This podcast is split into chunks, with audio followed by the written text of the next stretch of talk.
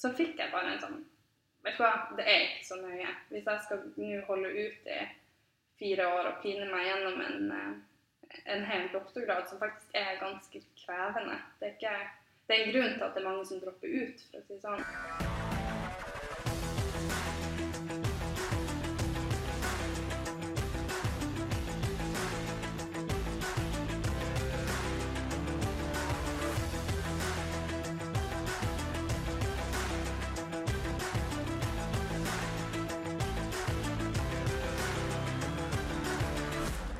Velkommen til ny episode. Jeg heter Irina, og dette er i starten av min karriere.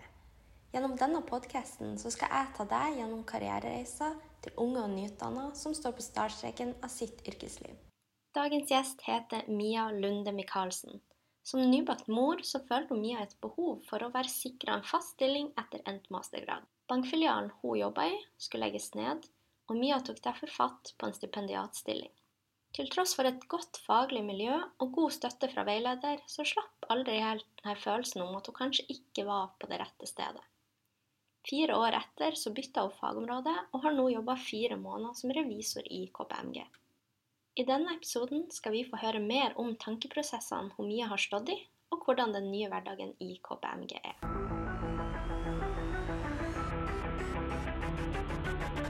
Hei, Mia. Hallo? Velkommen så mye til podkast. Tusen takk, og takk for at jeg får gjester her. Veldig spennende. Ja, jeg er veldig glad for at du hadde lyst til å komme. Det er jo jeg vet at det er mye spennende å dykke litt dypere ned i i dag. Eh, Men først så tenkte jeg at vi skal gå gjennom standardspørsmålene, sånn at eh, lytterne får et bedre oversiktsbilde over deg og din bakgrunn. Så hvor gammel er du? Jeg er um, 26 år. Um, Hadde du spurt meg om en og en halv måned, så måtte jeg nok sagt 27. Men jeg lever enda på de 26 årene. Det er akkurat godkjent. Ja. Um, hva er hjembyen din, og hvor bor du nå?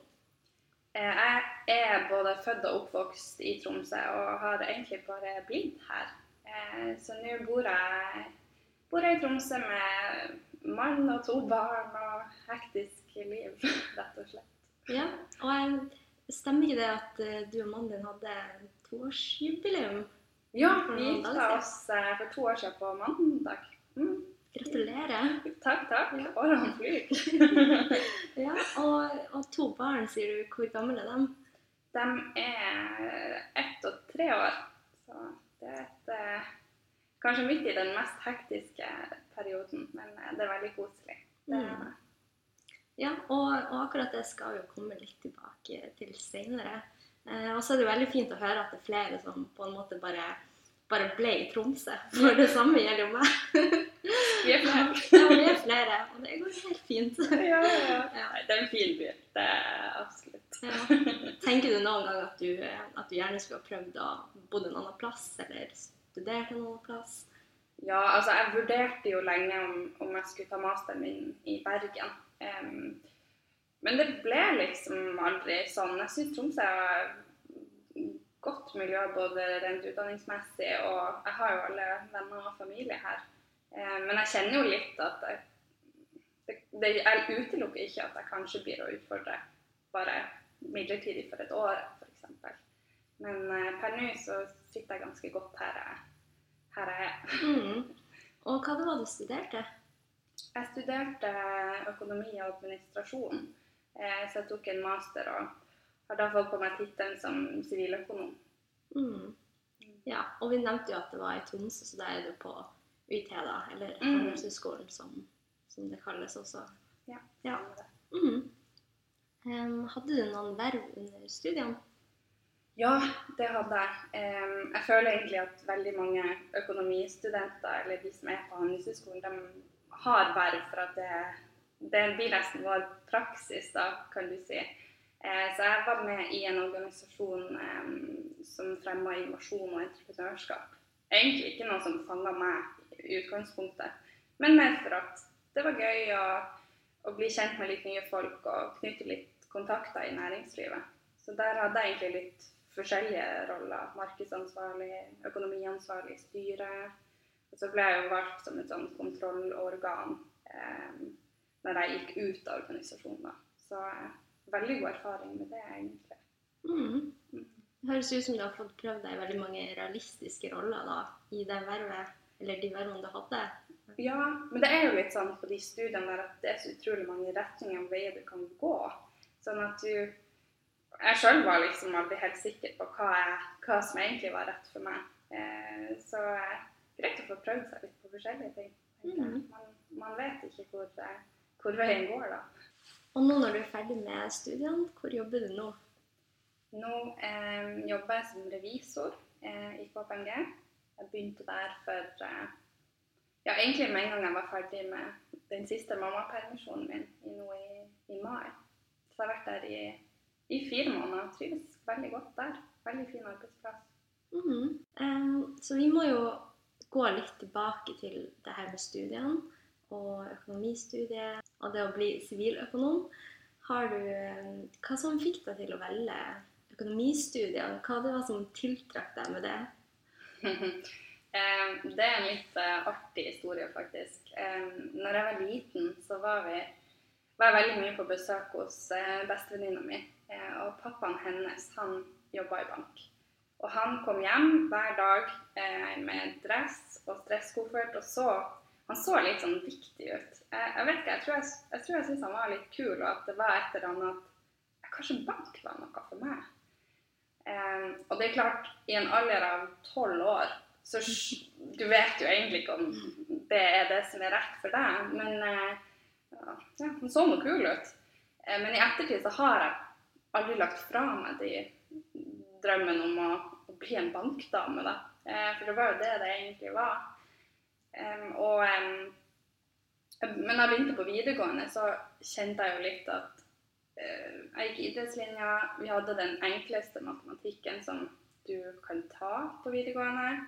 Og jeg ble jo litt usikker på om jeg egentlig kom til å takle økonomistudiet, om det lot seg gjøre. Men eh, jeg sitter nå her, så det gikk jo veldig bra.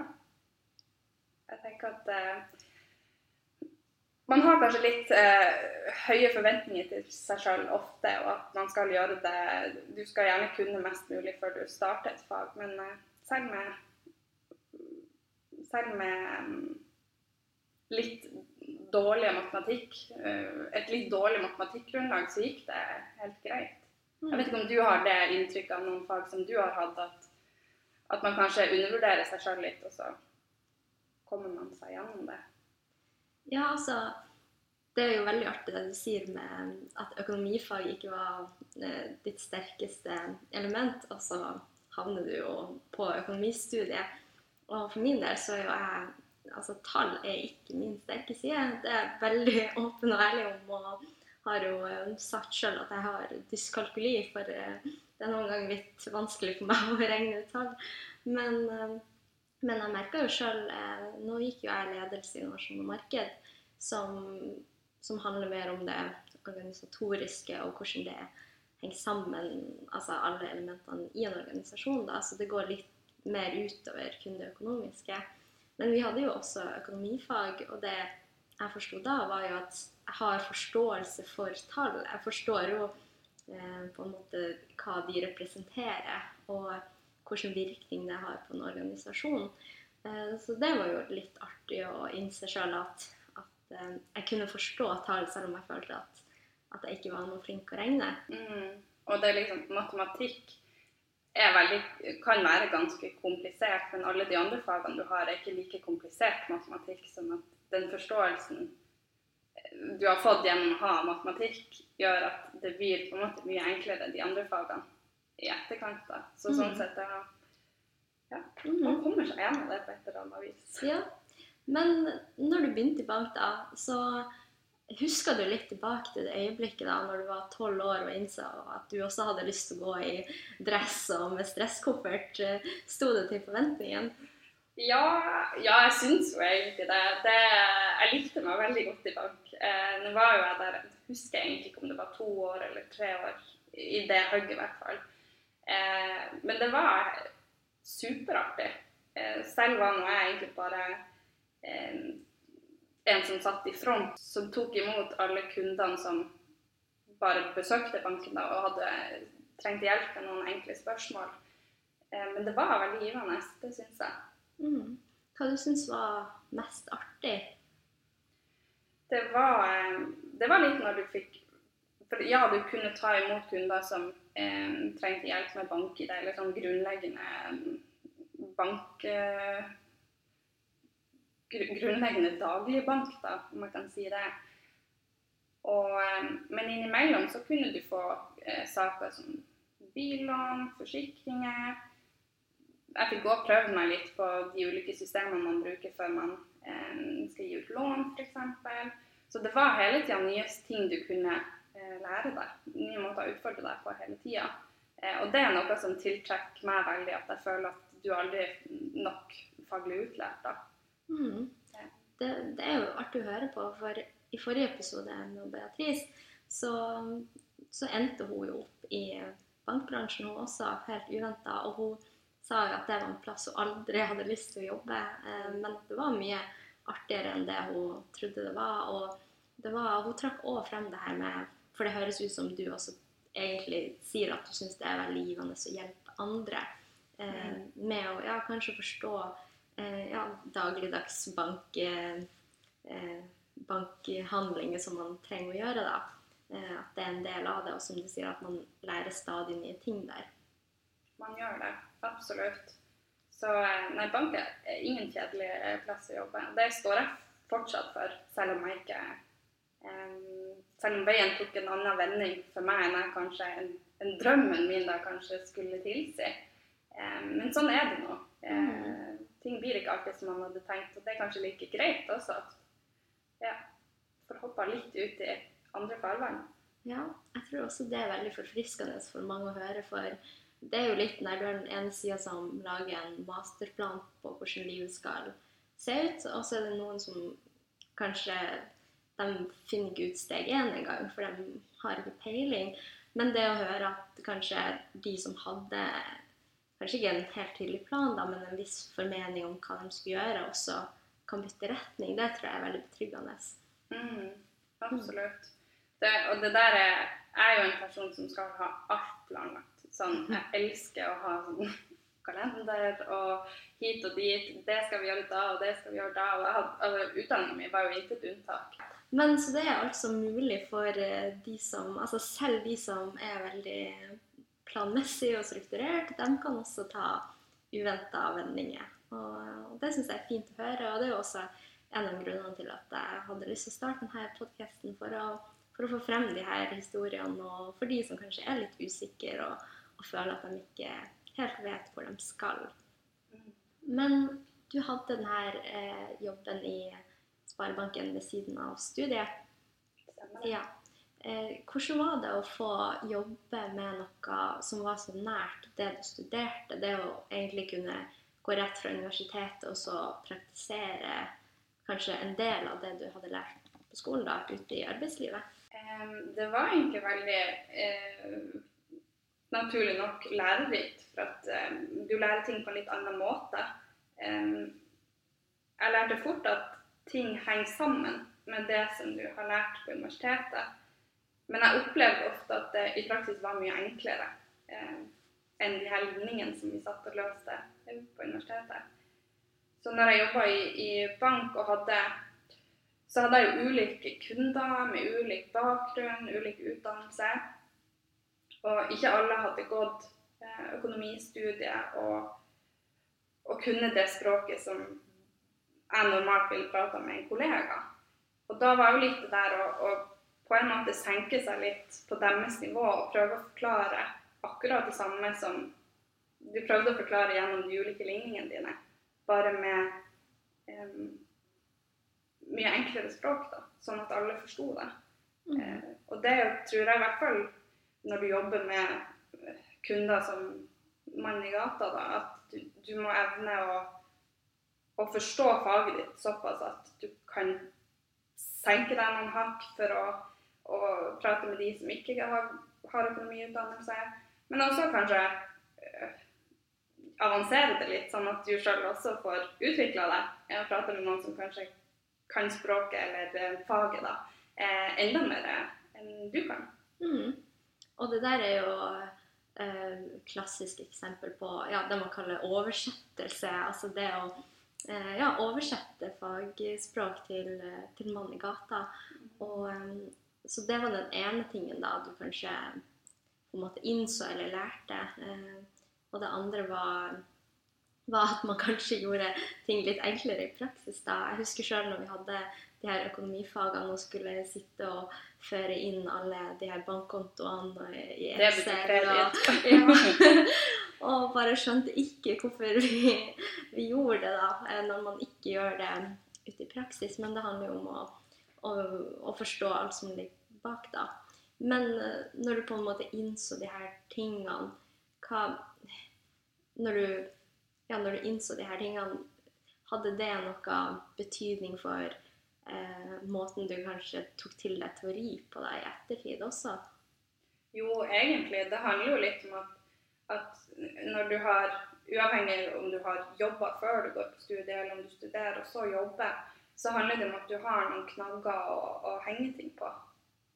At For min del så hadde jeg mye teori i bakgrunnen, jeg hadde jo ikke noe praksis annet enn at jeg hadde jobba på kafé og i butikk og gjorde et eh, et dagsoppgjør, på en måte. Um, så det er egentlig veldig, veldig fint. Jeg husker spesielt at jeg hadde et finansfag på engelsk på eh, universitetet. Og det syns jeg var sinnssykt vanskelig. Ik ikke nok med at jeg måtte lære meg alle, altså, engelsk i seg sjøl, men også et fag på et annet språk med helt andre ord som jeg ikke visste. Jeg visste ikke hva de var på norsk engang. Um, og når jeg da tok um, en autorisasjon for å bli autorisert finansiell rådgiver, så uh, fikk jeg det her faget på nytt, bare på norsk.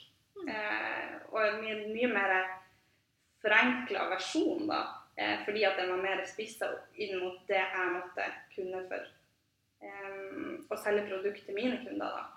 Eh, så jeg fikk jo en liten sånn Universitetet er jo og skal jo kanskje være litt mer avansert. At du skal gå helt i bunnen på hvorfor, hvorfor denne ligninga oppsto, altså, hvordan kom vi fram til den ligninga. Mens de kursene og det jeg lærte i banken, var mer at her, her er ligninga. Forstå det, eller forklare det ut til kunden, eller hva det betyr, da. Mm. Og så nevnte du et, eh, et lite stikkord nå, eh, det her med finansiell eh, rådgiver og autorisert finansiell rådgiver. Mm. Og jeg lurer litt på hva, hva er egentlig forskjellen på de to? Det er mm, Altså, når, når, du Når jeg ble ansatt i banken, så sto det i stillingsbeskrivelsen min eh, at jeg var ansatt som en finansiell rådgiver. Og innen så og så lang tid så skulle du ha tatt en autorisasjon for å eh, kunne selge spareprodukter, da. Eh, for min del, da, siden jeg gikk deltid, så var det egentlig ikke nødvendig. Jeg, tenkte, jeg hadde egentlig ikke behov for det. Men jeg hadde en leder som så at at jeg hadde lyst til å ta den utfordringa. Og veldig glad at jeg fikk eh, lov til å gjøre det. Men det er altså et, eh, et veldig komplekst uh, utdanningsløp du skal gjennom. Mye mer komplekst enn jeg trodde. Du har på en måte ulike personøkonomi, lover og regler, eh, finansmarkeder som du skal dykke litt ned i og ha en kunnskapsprøve, en etikkprøve og da en, til slutt en praktisk prøve der du har et fiktivt kundemøte. Eh, og skal selge eh, spareprodukter. Så eh, det handler vel litt om at du som, som rådgiver da skal forstå ulike de ulike risikoene med de ulike spareproduktene som banken tilbyr. Du skal nå Eller du lærer deg vel egentlig hvordan du skal lese den enkelte kunden. Hvilken risikoprofil har de? Hva er målet med sparinga? Hvor fort vil de hvor mye avkastning ser de etter? Og, og, egentlig gjennom den informasjonen kunne finne frem til um, et, det beste produktet for den enkelte kunden. da. Jeg trodde jo lenge at fin, altså, forskjellen mellom finansiell rådgiver og en autorisert finansiell rådgiver var det å selge og gi ut lån. Men det så feil kan man ta. Mm. Ja.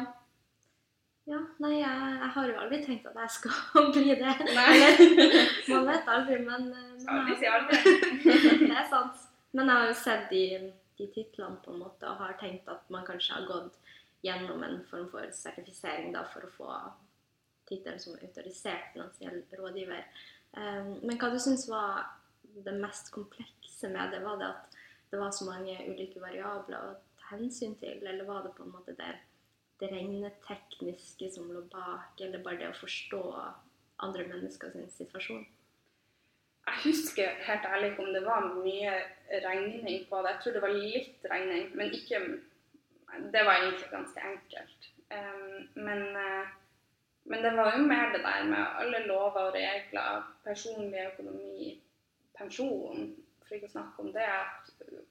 Det kan jo jeg som er 26 år, veldig lite om. Eller den gang da, når jeg satte meg for å ta dette kurset, så så kunne jeg veldig lite om det og viktigheten av å sette seg ned og, og tenke på pensjon i en så tidlig alder òg. Så det var veldig mye nytt for meg. Eh, lover og regler hvis noen i familien skulle gå bort, eller mye juss som som jeg ikke har eh, eh vært borti før. Men jeg er jo veldig glad, selv om jeg aldri fikk brukt den erfaringa som en, en heltidsansatt i banken. Mm. Så jeg er veldig glad for at jeg tok det, for at jeg har lært utrolig mye om ja, personlig økonomi. Hva, hva, som, hva, som, ligger i det, da. Mm. Um, pensjon og ulike lovverk da, som er, kan være greie å kjenne til, bare som en helt uh, mm. Ja, Så du kommer til å leve godt som pensjonist? Nå ja. Det var ikke det jeg sa. Nei. Um, men så blir du jo til slutt ferdig med masteren. Um, og så vil jeg jo si at du tar et veldig, i hvert fall i din alder, da, et utradisjonelt valg uh, med å gå rett på en stipendiatstilling. Um, eller kaller man det kanskje en doktorgrad eller en ph.d. Det er vel Kjærbarn har mange navn osv. Ja. Mm. mm. Hva som fikk deg til til å gå den veien? Nei, det var på ingen måte planlagt. Eh, jeg visste jo knapt hva en doktorgradsstilling var for noe. Men det var jo litt sånn spesielt halvår. Jeg skrev jo master eh, i 2020. Eh, og hadde akkurat fått en baby. Vi hadde nylig kjøpt oss et hus, og jeg så jo åpenbart et, et eh, behov for en fast jobb. Og lenge så var jo planen min at jeg skulle være videre i banken. Men eh, den filialen som jeg jobba på, eh, ble lagt ned. Og eh, det ble eh, midlertidig ansettelsesstopp i banken. Som betyr at jeg mista jo på en måte ikke min stilling, men den var jo bare på timer. Det var jo ikke en 100 %-stilling. Og så kom korona i tillegg. Mm. Så det var et veldig sånn en usikker tid jeg gikk i møte. Og jeg hadde åpenbart behov for uh, en fast jobb og vite at det kom penger inn på kontoen hver måned. Jeg vet ikke om det har litt med at jeg liker å ha litt kontroll eller ikke, men, men det gjorde at jeg ble også litt utålmodig på å ha noe å gå i. Altså ha en, en, jobb å gå til med en gang jeg var ferdig i mammapermisjon. Mm. Og jeg Det viste seg at når jeg satt og skrev masteroppgaven, så ble jeg veldig engasjert i den. Jeg syntes det var veldig gøy.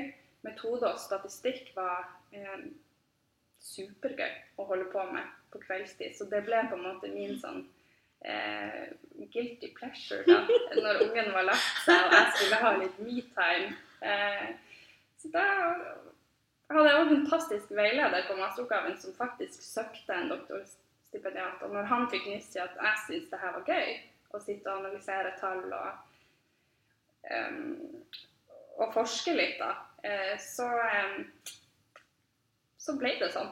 Mm. Veien blir til mens man går, som han brukte å si til meg. Og det uttrykket stemmer ganske bra for min, mm. min karriere generelt, kanskje. oh, nei, så artig. Det, det, sitatet der om at uh, metode og statistikk var din guilty pleasure, det, det må være noe av det sykeste jeg har hørt. ja. oh, det ikke trodd jeg heller, men uh, det blir det. Mm.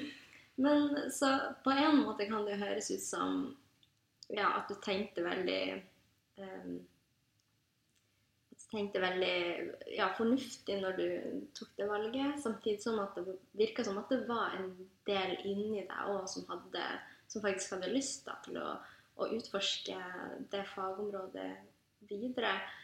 Eh, så når du på en måte hadde tatt det valget, hva tenkte du at målet skulle være med å ha den type stillinger?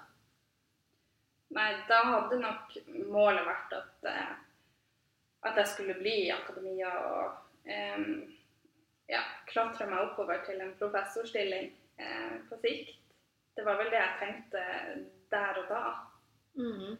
Og for mange av de som hører på, så, og inkludert meg sjøl, så er jeg litt usikker på hvordan en stipendiatstilling fungerer. Hvordan, hvor mange år tar det, hvordan er det lagt opp? Kan du si litt om, om hele den eh, prosessen? Ja, det kan jeg gjøre. Um, det er jo en lønna uh, stilling um, som du får via Eller du, du, er på en måte ansatt til ditt prosjekt. Um, så du får lønn via staten, da. Og prosjektet utarbeider du jo litt sjøl. Hva er det du har lyst til å forske på? min kontrakt gikk over fire år, men det tror jeg er ganske forskjellig. eller det er ganske forskjellig fra fakultet til fakultet og diverse. Men eh, for min del så var det jo at jeg hadde ett år der jeg var eh, på en måte ansatt på universitetet. da, At jeg skulle hjelpe dem med undervisning, veiledning av masteroppgaver og litt sånne eh, ja, utdanning, da. Jeg skulle hjelpe til med utdanning på universitetet. Og de tre siste årene skulle jeg jobbe med mitt prosjekt og forske og samle inn data og skrive artikler. For at, for at du skal bli ferdig, så må du ha minimum tre publiserte artikler. Mm. Så, ja. Mm. Hva, var, hva, var, tematikken på de her artiklene? Hva var det du konkret forska på? Jeg kom egentlig ikke så veldig i gang med selve forskninga. Jeg hadde mest um, jeg underviste i metode og var egentlig, jeg veileda metode på masteroppgaver. Så det var egentlig det jeg primært gjorde i den stipendiatstillinga. Men jeg begynte sånn smått på prosjektet mitt, og det handla jo om hvordan Hva som påvirker folk til å handle bærekraftige klær. Da.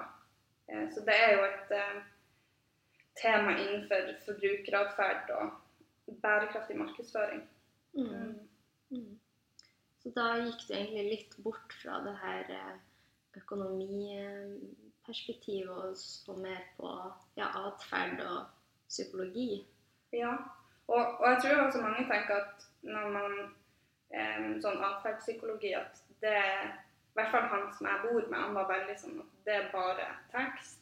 Det er ikke så mye tall. Det, det er kjedelig, sa han. Eh, alle har rett til å si sin mening, men for min del så var det faktisk ganske mye tall også, i og med at du hadde den her kvantitative statistikken å forholde deg til. Mm. Um, så du fikk egentlig Jeg fikk i hvert fall uh, oppfylt uh, mitt behov for, for tall. Mm. Uh, og jeg lærte utrolig mye. det gjorde jeg.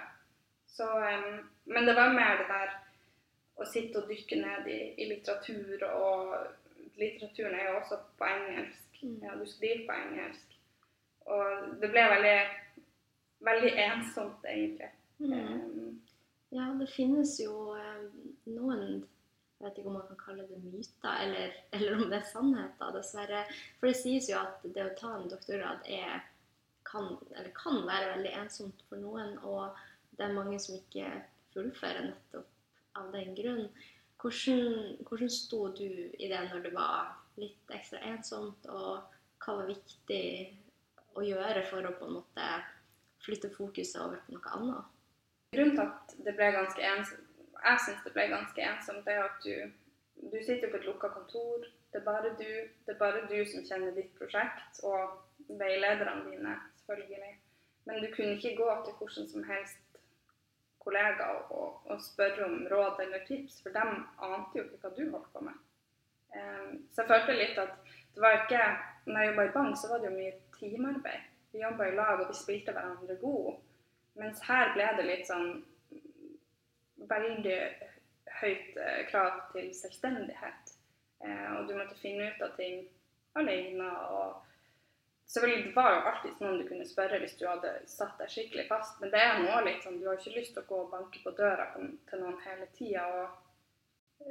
Føle deg veldig, Jeg liker ikke å føle meg umoden, i hvert fall. Eh, så da sitter man egentlig og bruker Jeg, satt og brukte masse tid på ting som egentlig var superenkelt. Ja, du nevnte at, uh, at, du ikke, ja, at du ikke liker følelsen av å være litt uh, umoden. Og, og, det er jo kanskje det veldig mange føler på når de kommer ut i sin første jobb.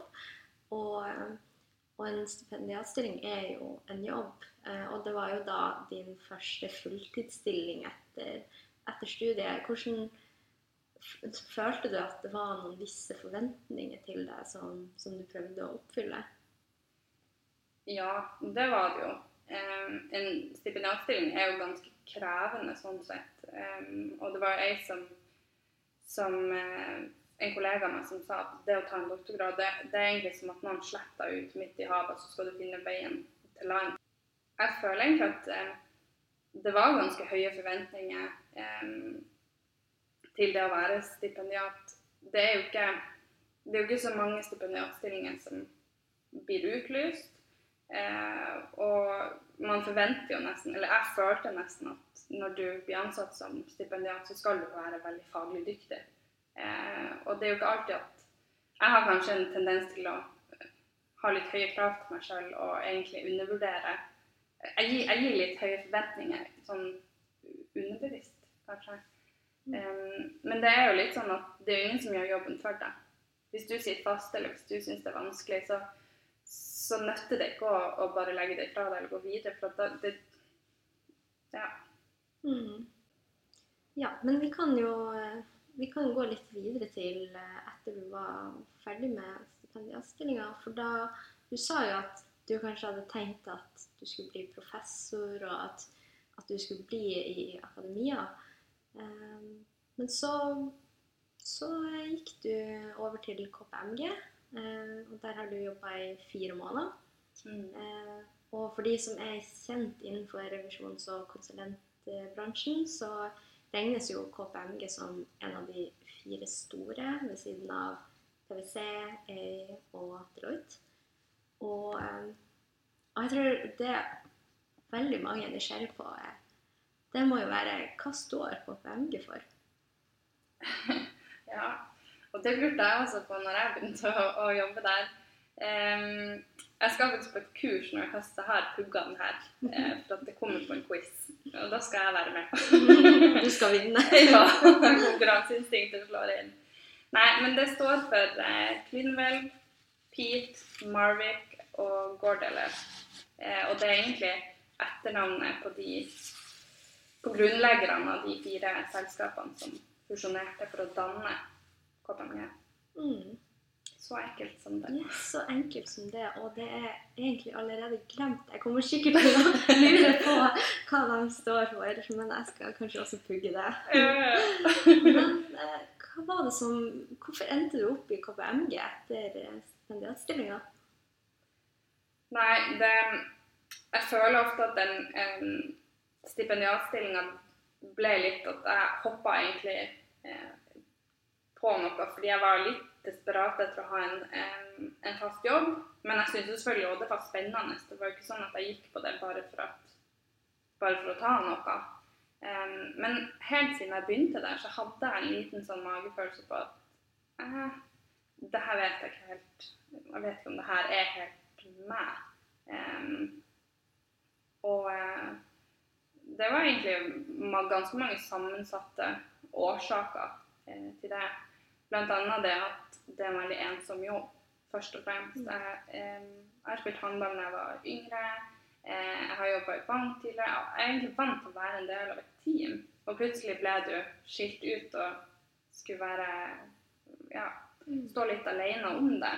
Eh, og det tror jeg ikke jeg, jeg følte på en måte at jeg ble ikke den beste versjonen av meg sjøl eh, må være det. Og eh, jeg kjente jo kanskje litt at det var mulig at jeg hadde valgt eh, feil eh, fagområde, da. At jeg syns jo forbrukeratferd var veldig spennende, så jeg likte veldig godt å skrive den masteroppgaven.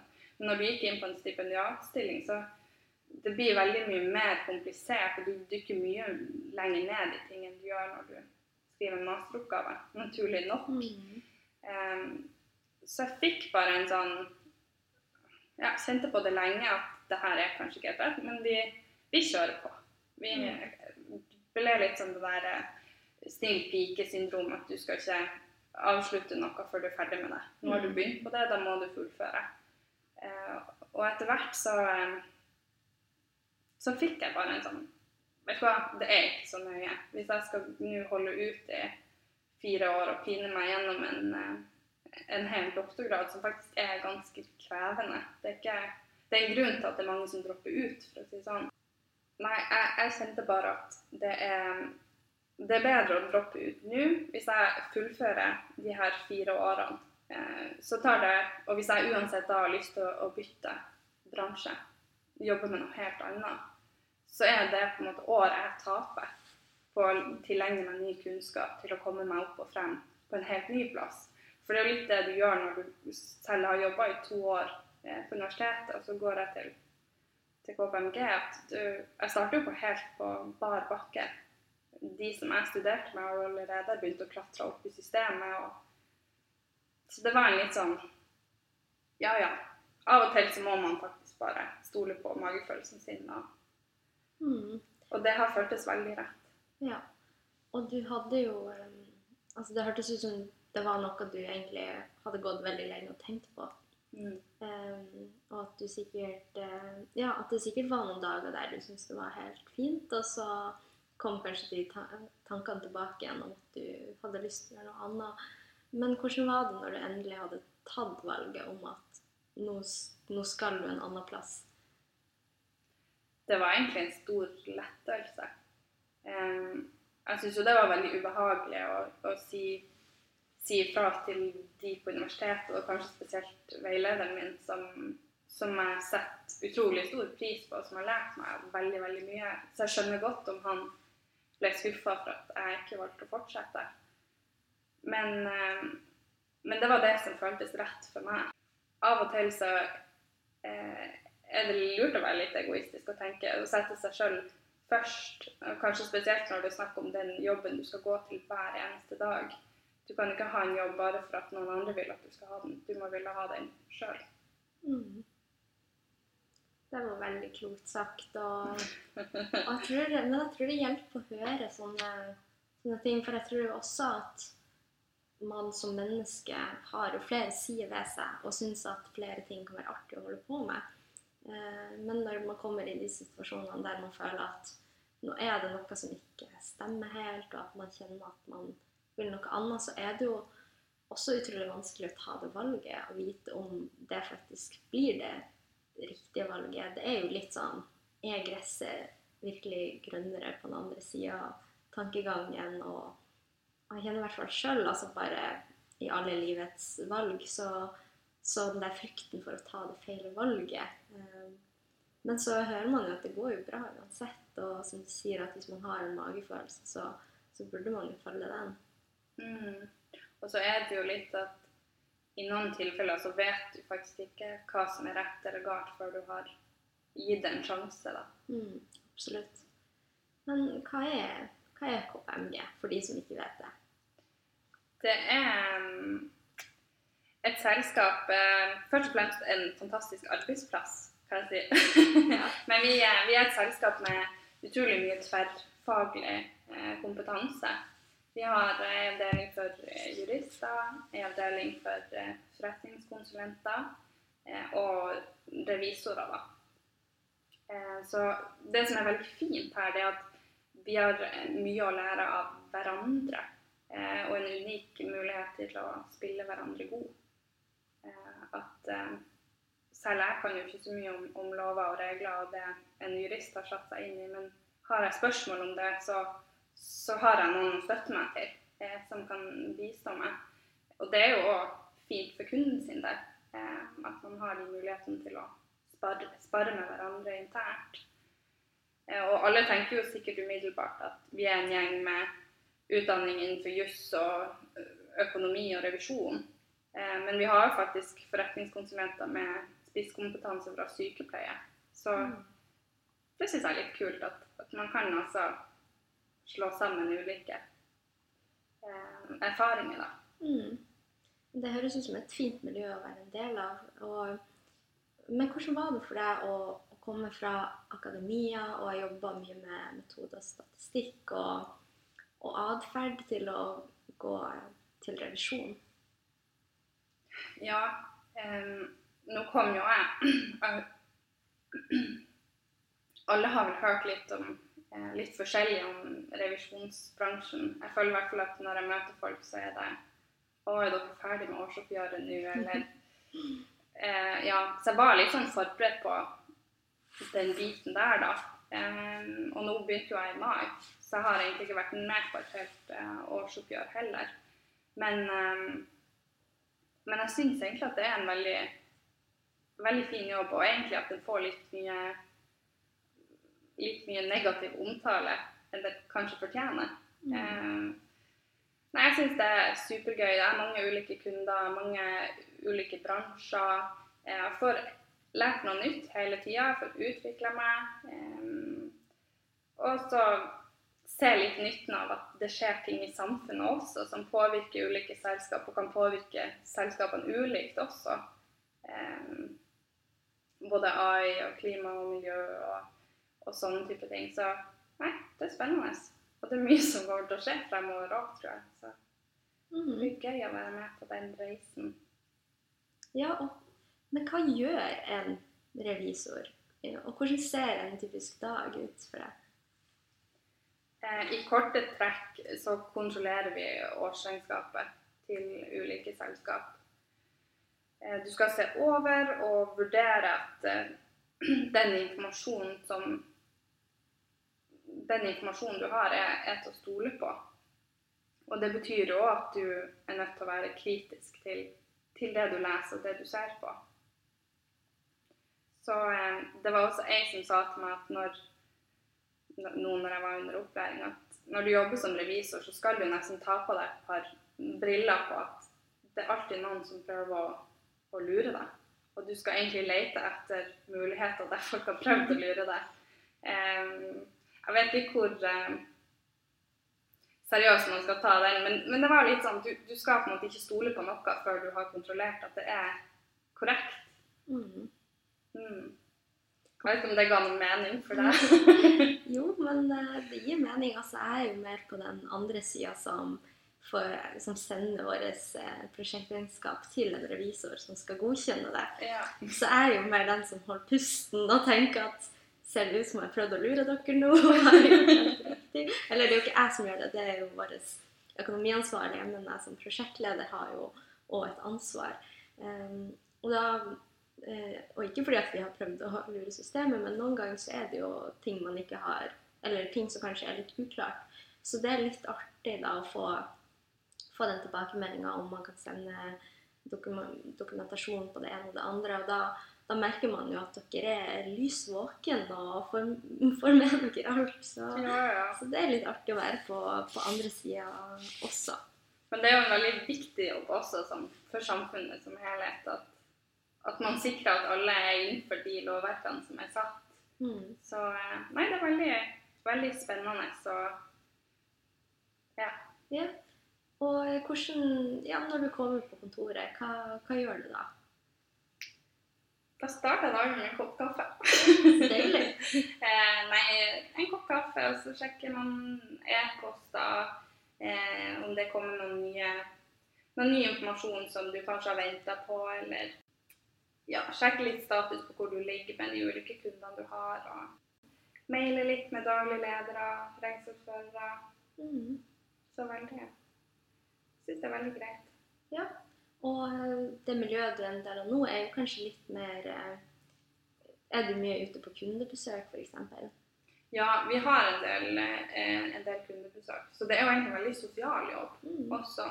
At man Du sitter ikke bare på kontoret med din PC hele tida. Men det jeg syns er veldig fint, at vi på ulike kunder så er vi satt opp i team. Um, så du jobber med forskjellige kollegaer på de ulike kundene. Du møter regnskapsførere, daglige ledere. Um, så veldig sosial jobb. Og for meg som er i småbarnslivet, så passer det meg ypperlig.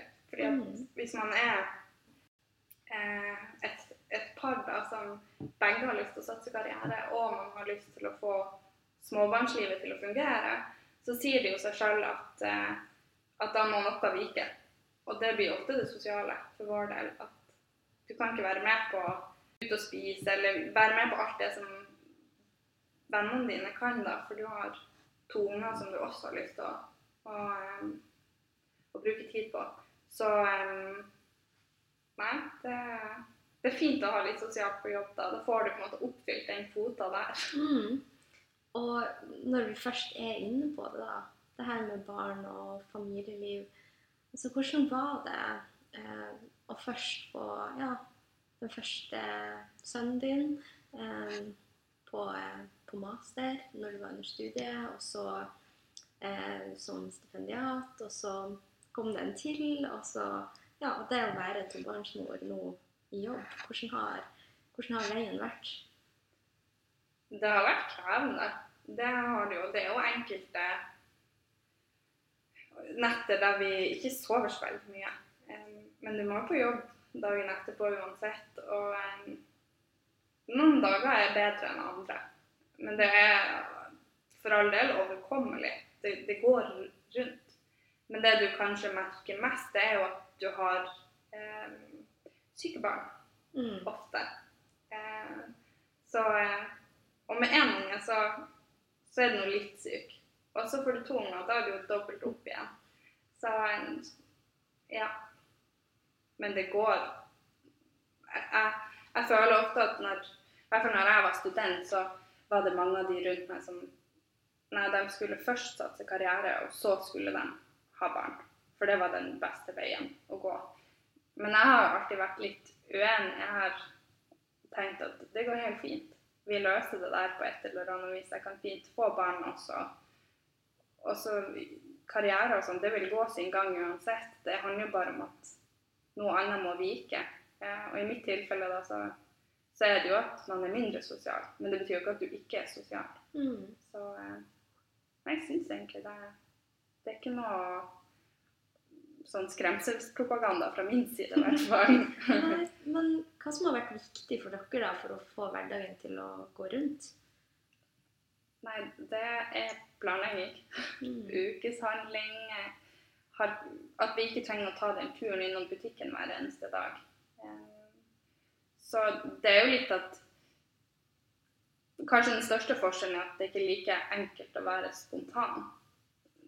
Du burde ha maten i kjøleskapet, planer om hvem som henter, hvem som leverer, hvem som gjør ditt og datt. Og på den måten så får du Så går kabalen opp på et eller annet vis. Mm. Mm. Så for de som, eh, som kanskje vurderer å få barn under studietida eller i starten av sin karriere, hva er det noe du vil si til dem angående den saken, da? Jeg, ville, jeg, hadde, jeg hadde fått barn på nytt mens jeg var student. Jeg synes det var Egentlig var det det enkleste. Um, for uh, Og det verste var at vi, vi hadde jo planlagt at han skulle komme midt i Han er født i februar, så jeg var jo så vidt begynt med masteroppgaven min når han, når han kom. Men jeg har aldri, jeg har aldri gjort så lite skole, eh, og jeg har aldri vært så effektiv før. For du, hadde, du visste at du hadde så, så lang tid på deg eh, til å få gjort det du skulle gjøre. Og da, da gjør du det. Du har ikke noe Du prokastinerer ikke eller noe, eller noe sånt. Det er utrolig hvor Jeg får en litt sånn følelse av hvor- lite effektiv jeg var før jeg fikk barn. da, For da satt jeg jo på skolen fra åtte til fire ofte. og ja, det var, Jeg var mye mindre på skolen og fikk bedre karakterer. Det var ingen uh, Mm. Det var min nesten sånn nøkkel til suksess på slutten der. Ja, men det gir jo egentlig veldig mye mening, for alle har jo like mye tid, så det handler jo mer om hvordan man velger å disponere tida, og det med prioritering, som du sier. Og når man har barn, så blir man jo bevisst på det fordi man har ikke noe annet valg, men da blir det mer effektivt å få gjort mye mer kanskje enn en sånne som meg, som kommer og legger seg på sofaen kanskje etter. Jo, jo. Men jeg syns man skal nyte det uansett. Ja. Det, jeg skulle òg av og til ha lagt meg på sofaen innimellom, så ja. Um, men eh, ja, så vil jeg spørre deg om, om hva legger du i det å, å være ambisiøs? Først og fremst um, så vil jeg jo si at det handler om mestringsfølelse. At um, jeg motiveres stort av å oppleve mestring. Enten det er gjennom å sette seg et mål og, og, em, og nå det, da, eller hva det, hva det måtte være. Men jeg tenker jo litt at vi alle kan bli en bedre versjon av oss sjøl. Nå høres jeg veldig alvorlig ut. Når det, men, men spesielt i arbeidslivet, men også sånn rent generelt. Det er alltid noe du kan bli, bli bedre på. Og samfunnet er jo i kontinuerlig utvikling. Vi har teknologiske utviklinger, utfordringer knytta til klima og miljø.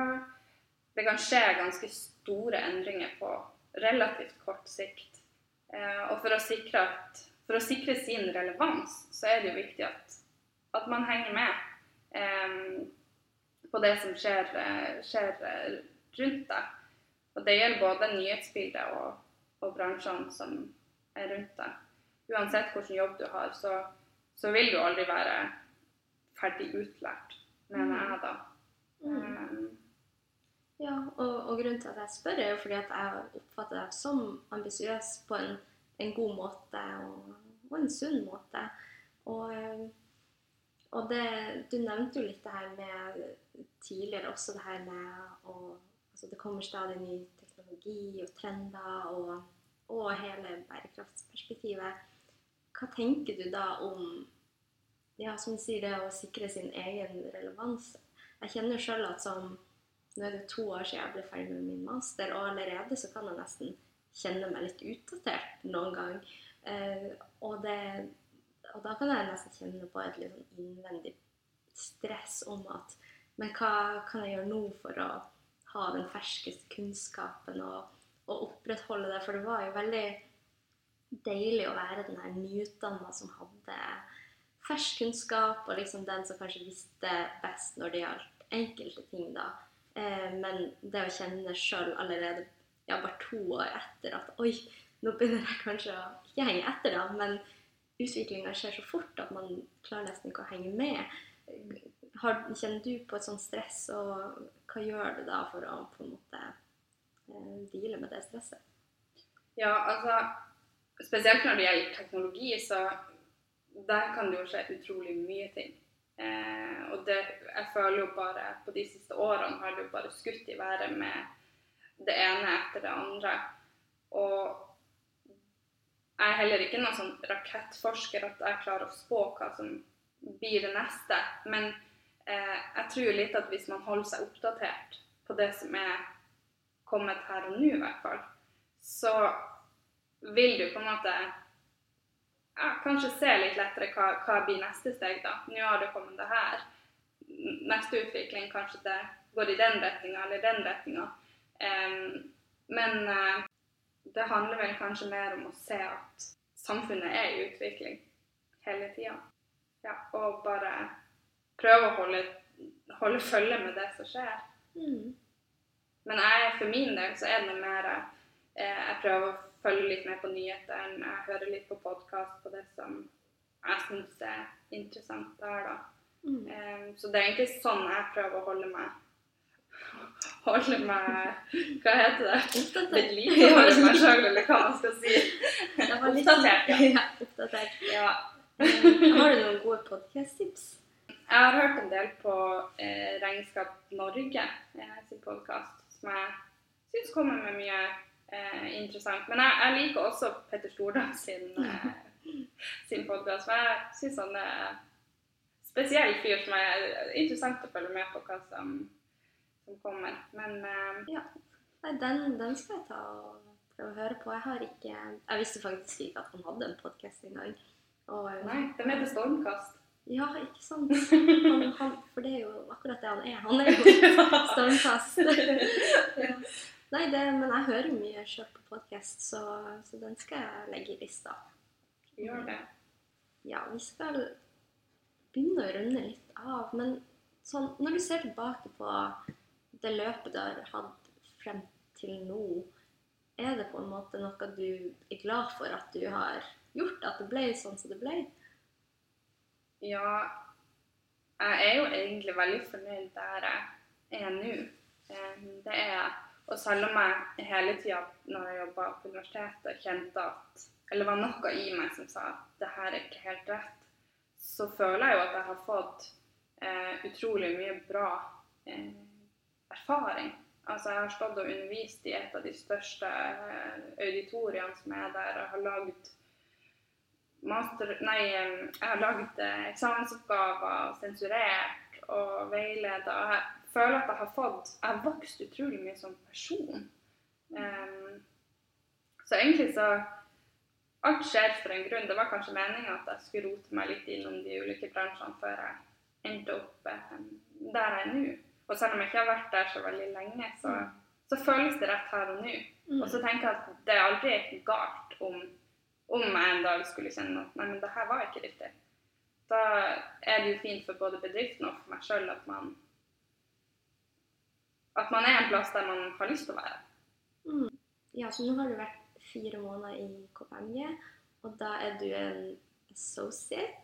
Er det det det mm. heter? Ja. Eh, ja. Og det er jo veldig eh, vanlig i de her konsulentselskapene at man har litt sånn tydelige man kan si karrieresteg, kanskje. Eh, hvordan kan du forklare litt hvordan det systemet fungerer? Ja, um, når du er nyansatt, så begynner du um, det, det, blir vel egentlig det norske ordet blir vel en revisormedarbeider. Um, men du begynner som associate, som egentlig er bunnlinja. da. Uh, og når du har vært to år, så kan du uh, rykke opp til senior associate. Uh, og der blir du egentlig, med mindre du velger å ta eh, videreutdanning eh, innenfor revisjon. Så eh, med mindre du Noen har det selvfølgelig fra før av, da. Jeg har ikke det. Men hvis jeg skulle gått eh, Hvis jeg hadde blitt senior associate for å ha muligheten til å klatre opp til manager, så måtte jeg ha tatt eh, en videreutdanning i form av en master i regnskap og revisjon. Mm. Okay. Og så har du på en måte director og partner over, men det er jo det er ganske langt unna for min del. men, men, hva er målene dine da for uh, karrieren? Nei, jeg, akkurat nå så trives jeg veldig godt um, der jeg er. Og kunne tenke meg å Per nå så ser jeg ikke for meg et, et, et nytt skifte. Um, det gjør jeg ikke. Og um, hvis jeg tenker det samme om to til tre år, at jeg fortsatt vil være revisor, så er jeg ikke fremmed for å ta den videreutdanninga da. Mm. Jeg tenker at det, det, er god eh, læring å ha med seg uansett. Så, eh, så kanskje det blir partner eh, om 20 år? Eller mer. Eller mer. Vi får se.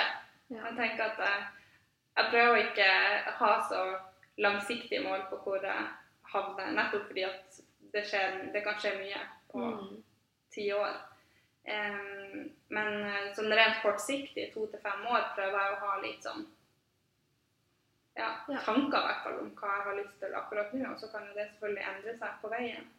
Ja. Men eh, akkurat nå ser jeg for meg å klatre i det systemet der jeg allerede er. Mm. Mm.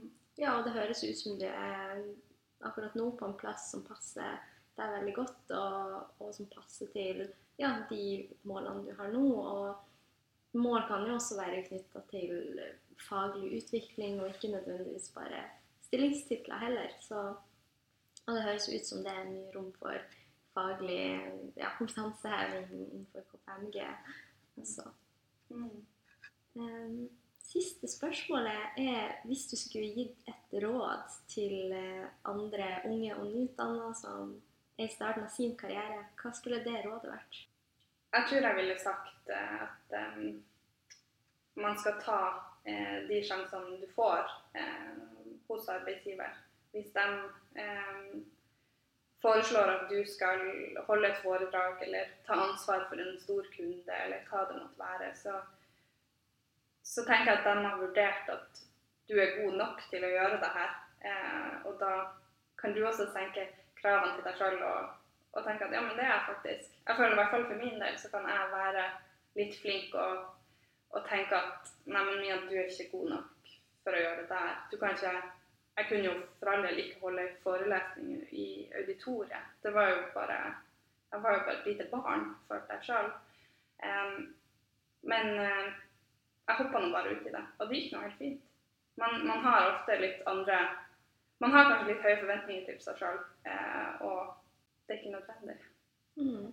Å ha det.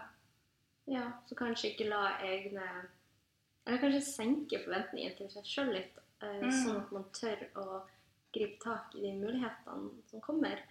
Eh, for det går som regel bra. Det gjør det. Og så er det jo litt når du er helt ny i karrieren, så er man jo litt usikker. Du har ikke så mange år på, på beina, er det det man sier. så eh, Nei, jeg tenker at eh, du vokser jo på Ja, man kan feile litt, og man kan, man kan si noe på en måte som kanskje var litt rart, men det er ikke det er, ikke, det er bare du som sitter og tenker på at du formulerte det akkurat sånn.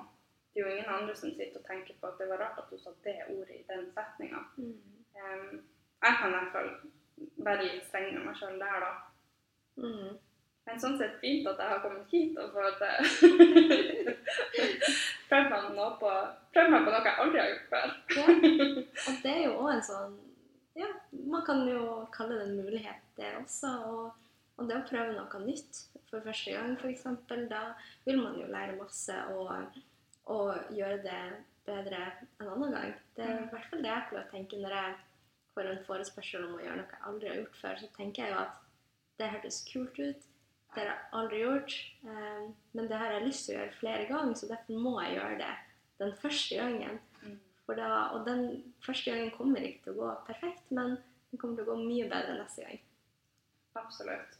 Da må jeg egentlig bare si tusen takk, Mia, for at du kom og delte fra, ja, fra starten av din karriere. Takk for at jeg fikk være her.